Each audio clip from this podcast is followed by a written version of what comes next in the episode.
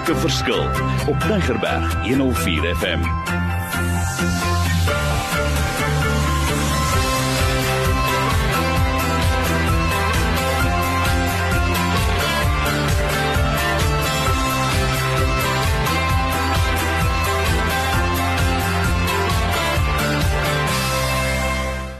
Wonderlik, my naam is Mario Denton. Ons is besig met 'n reeks oor diamante, maar uit 'n karakteromgewing en wat dit is en wat dit alles behels. My mede-aanbieder, sy is weer hier want sy sê ons het nog baie om te gesels. Sy's baie betroubaar en daarom gaan ons vandag juis gesels oor betroubaarheid. Anne die Wessels praat met my. Baie dankie Mario. Hallo luisteraars, is lekker om weer saam met julle terug te wees. Ja, vandag gesels ons bietjie oor betroubaarheid.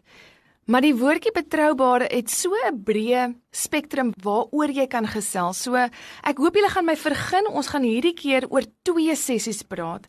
Vandag wil ek spesifiek met julle gesels oor betroubaarheid in jou werksplek en betroubaarheid in jou huwelik. En dan volgende keer gaan ons gesels oor betroubaarheid in jou vriendekring en betroubaarheid aan God. Nou om betroubaar te wees beteken eenvoudig dat mense op jou kan staatmaak. Dit beteken dat jou woord jou eer is. Weereens kom ons terug na waar ons voorheen gepraat het. Dit beteken dat jy eg is, dat jy as mens eerlik is en eerbaar is.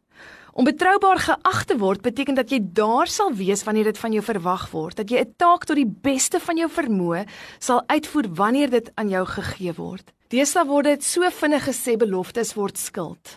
En dit word so gemaklik gesê, maar onthou jy as klein dogtertjie, as iemand vir jou iets gesê het, het jy gegaan en gesê, "Beloof?" Hmm. Beloof, want as die persoon gesê het beloof, het jy geweet dat daardie persoon se woorde eg was. En dit maak nie saak wat gaan gebeur nie, die persoon sal nie sy belofte verbreek nie. En dis asof die woord vandag goedkoop geraak het. Iemand sal vinnig vir jou sê, "Ek beloof ek sal dit doen, man, moenie worry nie." En dan gebeur dit eenvoudig net nie. 'n Betroubare mens is iemand wat daardie beloftes nakom. Jy weet dat jy weet dat jy weet wanneer jy vir daardie persoon iets vra, dat dit gedoen gaan word. Jy hoef nie te twyfel dat dit net 'n mooi praatjie is of 'n woord van manipulasie is dat dit wel gedoen sal word nie. So vandag wil ek vir jou vra daar waar jy sit. Hoe betroubaar is jy?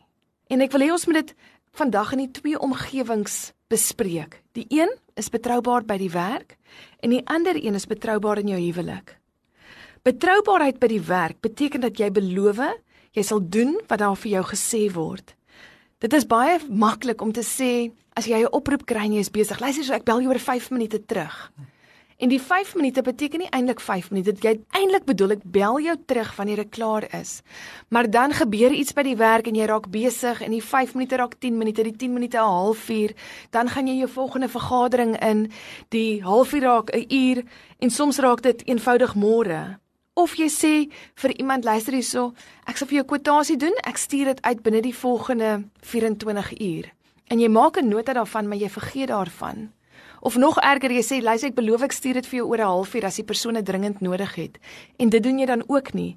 En onmiddellik word jy as onbetroubaar geag. Die persoon weet nie meer of hy kan terugkom en sê luister hierso, Anne die Wessels het vir my gesê sy gaan dit doen en toe gebeur dit nooit nie. Kan ek haar dan vertrou met my projek?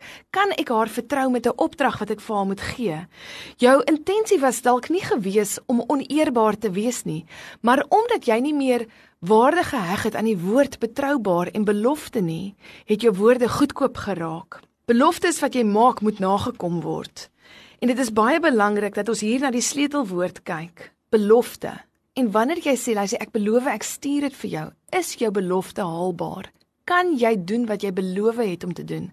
As jy dit nie kan doen nie, wees eerlik en sê, "Luister, ek gaan my bes probeer om dit vir jou te kan doen, maar as ek dit nie kan doen nie, sal ek jou laat weet of ek sal iemand vra of as jy dan nie die kwotasie van my kry binne die volgende uur nie, bel my asseblief terug. Stuur vir my 'n WhatsApp en sê Annedie, dis 'n uur later. Ek sal dit nie persoonlik neem nie, ek beloof, sodat ek dan weer na jou te kan terugkom. Die ander gedeelte is betroubaar in jou huwelik en hierdie is 'n is 'n eindpunt. Betroubaarheid in jou huwelik beteken eenvoudig dat maak nie saak waar jy is nie, maak nie saak wat jou omstandighede is waarin jy jouself bevind nie, dat jou maat jou sal kan vertrou. Dat as jy agter 'n toedeur soos wat ek en jy nou sit Mario, saam met iemand anders is, dat jou man sal weet of jou vrou sal weet dat hy of sy jou kan vertrou. Dat jy nooit iets sal doen wat sal skade aanrig aan jou verhouding met jou maat nie. So, weet jy, dis vir my so belangrik hier en ek is so bly ons bespreek dit want dis waar wat jy sê betroubaarheid kan goedkoop raak en ook jou klem wat jy sê betroubaarheid binne die huwelik. Pragtig. Gaan voort, ek hou daarvan. Want die vraag ja, ek stem saam met jou, want die vraag daar eenvoudig is, daar waar Marion by die huis sit, voel sy veilig met die feit dat ek en jy besig is om 'n opname te doen?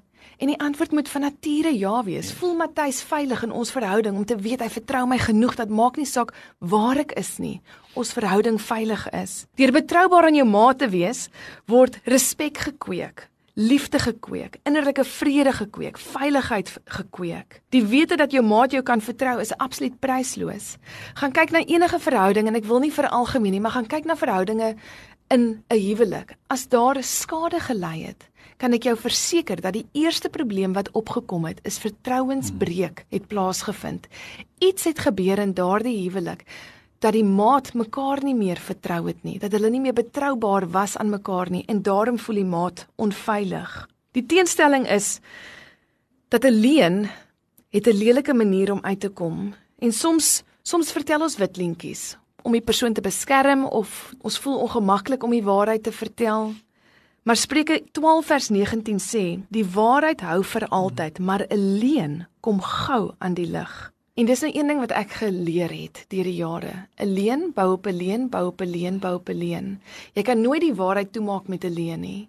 Want eers gaan jy agterkom dat jou woorde nie konsekwent is nie. Eers gaan jy agterkom dat iemand sê sê net maar ek het gesê luister so ek gaan vanoggend koffietjie saam met 'n vriendin drink. Dan sal iemand vir Matthys raakloop sê, "Haai, ek het vir Annelie gesien by hierdie en hierdie plek." En ewe skielik of dit nou net 'n wit lentjie was, word daar twyfel getrek in my woord. Hoekom sou my vrou gesê het sy gaan drink 'n koffietjie as dit nie is wat sy gaan doen het nie, as sy ergens anders heen gegaan het? Die wêreld daar buite het soveel gebroke huwelike, maar stel jou voor 'n wêreld met gesonde huwelike. 'n wêreld waar daar geen onsekerheid in huwelike is nie. 'n wêreld waar twee maats mekaar so volkome kan vertrou, so veilig kan voel dat hulle weet dat hulle weet niks daardie band sal breek nie. Ewe skielik sal daar nie meer jaloesie wees nie.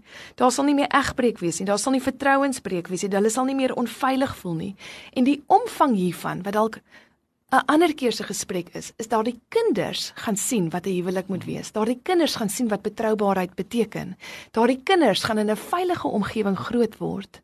En dit is die beauty van die woord betroubaarheid in 'n huwelik. Dit is nie net jy en jou maat nie, maar dit spoel oor na jou kinders. Dis lekker. Ek wil vir ons luisteraars sê, weet jy, ek hoor in my hart en jy moet tog vir my sê, is daar nie vir ons ook 'n uitdaging nie? So, wat sal die uitdaging hierdie wees? Ja, weet jy, vinnig twee uitdagingkies, een by die werk, dat wanneer jy vir iemand beloof jy gaan iets doen, maak 'n punt daarvan om dit te doen.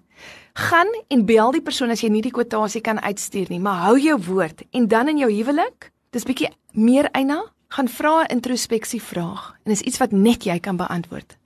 Is ek betroubaar in alle opsigte aan my man of aan my vrou?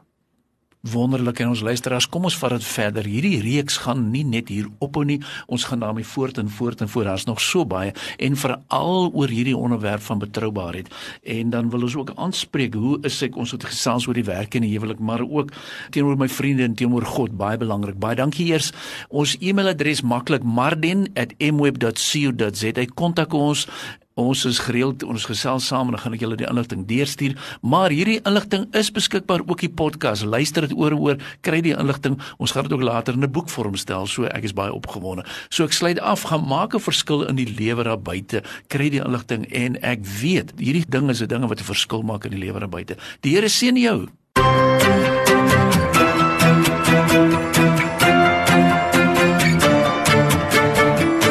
Opnames van Maak 'n Verskil is te kry op Potgooi via Tigerberg 104 FM se app of te wel toepassing.